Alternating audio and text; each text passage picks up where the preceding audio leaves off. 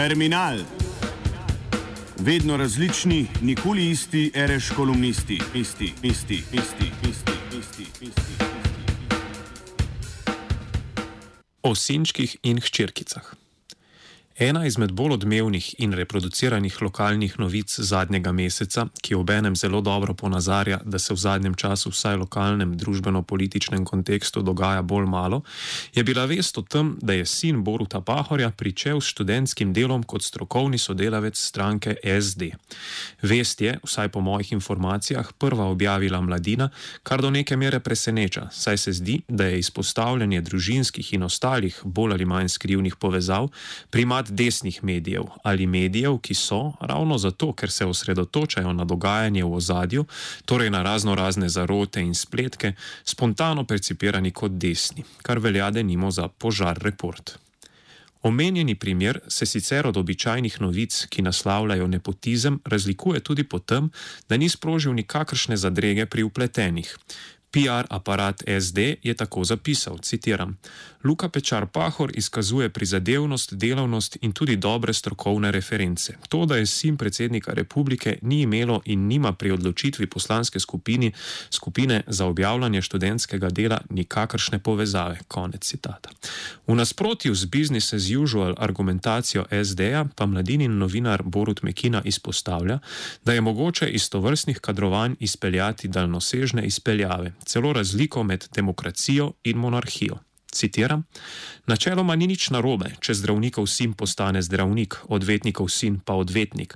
Drugače je v politiki, kjer v naših krajih po propadu avstro-ogrske monarhije oblast ni več dedna in tako ni več mogoče, da bi sin predsednika države neposredno postal predsednik države. Ravno tako kot ni več sprejemljivo, če politikov sin postane politik, še posebej, če mu politično pot tlakujejo starši namesto da njegove voditeljske kvalitete prepozna demos. Konec citata. Katera interpretacija je torej prava? SD-jeva ali Mekinina?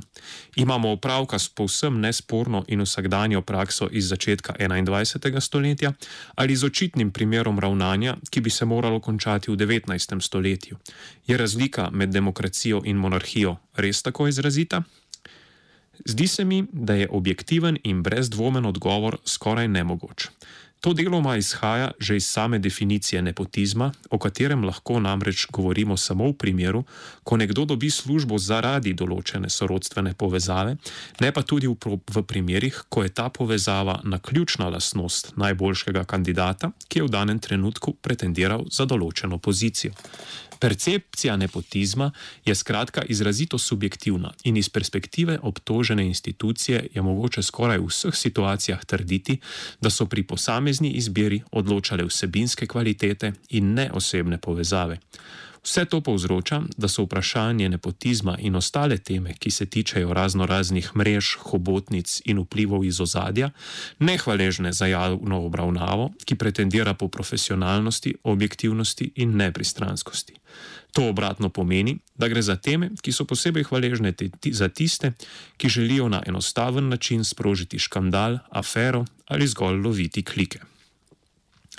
Vendar pa je omenjeno zadrego ne mogoče zvesti zgolj na abstraktni nivo izmuzljivosti definicije, saj je ta specifična za naše konkretno lokalno okolje, ki ga zaznamujejo majhnost, zaprtost in zatohlost. Že omenjena ambivalentnost med povsem vsakdanjo prakso in izjemnim ekscesom ali celo tabujem je namreč implicitno povezana z najbolj jedrnim delo, delom funkcioniranja slovenske družbe, ki jo preveva določena družinska ali celo domačijska logika. Verjamem, da bi vsakdo lahko v sproščenem kavarniškem okolju naštel precej konkretnih primerov tega, kar imamo v mislih. Najverjetneje pa ne bi želel o teh konkretnih primerih javno razpravljati. Podobno kot pred leti Pahor starejši ni želel omeniti, kdo konkretno so strici iz ozadja, za katere je trdil, da so zrušili njegovo vlado. Ukolikor bi se odločil za nasprotno, bi to namreč pomenilo, da navedenim imenom tudi napoveduje vojna, kot je dobro razvidno iz primera neke druge javne osebnosti, ki za razliko od Pahorja nima težav s poimenovanjem stricev iz ozadja in glav razno raznih hobotnic. Simptomatično je, kako je razkrinkavanje osebnih povezav in nečednosti iz ozadja postalo primat pretežno desnih in nekaterih rumenih medijev in kako vsakršno nakazovanje na to vrstno problematiko, spomnimo se le primera Marka Noča, akterje spontano postavi na pozicijo desnega uporništva. Povedno je tudi, da na eni strani politično kadrovanje nasploh sprejemamo kot nekaj povsem vsakdanjega, po drugi strani pa je bilo to glavni razlog za nekatera sekanja glav, v katerja je bil v zadnjem letu prisiljen Marjan Šarec. Na bolj splošni ravni so v tem kontekstu zanimive tudi predstave v lokalnem skupijskem nezavednem, ki večajo antagonizem med urbano in ruralno Slovenijo, da nimo predstava o vse splošno omreženi, močvirnati in megleni ljubljani. Zanimivo je tudi, da ni levega ekvivalenta požar reporta. Ne trdim, da je to nujno slab znak in da se je potrebno spustiti na isti nivo ali težiti k nekakšnemu levemu populizmu.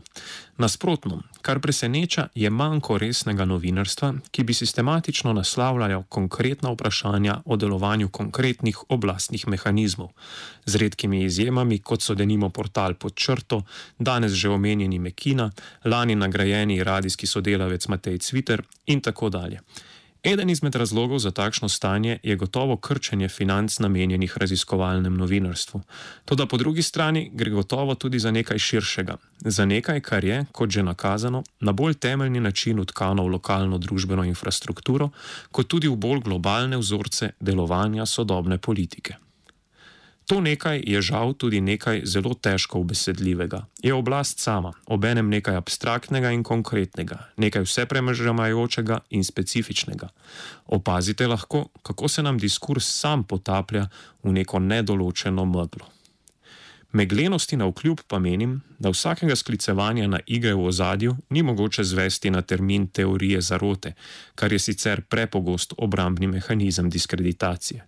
Če pogojno vseeno uporabimo ta termin, moramo priznati, da teorije zarote niso uspešne zgolj zato, ker so povsem neresnične, temveč morda prej zaradi neke njihove nedvoumne vsesplošne resničnosti. Sodobni svet res ni prozoren. V ozadju deklarirane demokracije so res oska oblastna omrežja, katerih delovanje je skrito. Množicam je to intuitivno jasno. Namesto da se skuša to vrsten diskurs v celoti odpraviti in se prepustiti lahkotnosti deklariranih liberalnih idealov, bi bilo zato morda bolj smiselno težitvi, težiti k vzpostavitvi kvalitetnega protidiskurza. Prav tako v lokalnem okolju ne bi škodilo, če bi namesto taktike zanikanja in izogibanja tej sferi družbene realnosti ali njenega pretiranega izpostavljanja, večkrat najprej tiho počistili pred svojim pragom in ubrali pot preprostih in preverjenih mikromehanizmov iz razvitih liberalnih demokracij, kot so recimo institucija Open Call, vnaprejšnja določitev objektivnih kriterijev, javnost komisije in široko oglaševanje prostega delovnega mesta, striktno upoštevanje določil glede konflikta interesov in tako dalje. Terminal sem spisal in povedal Jrnej Kaluža.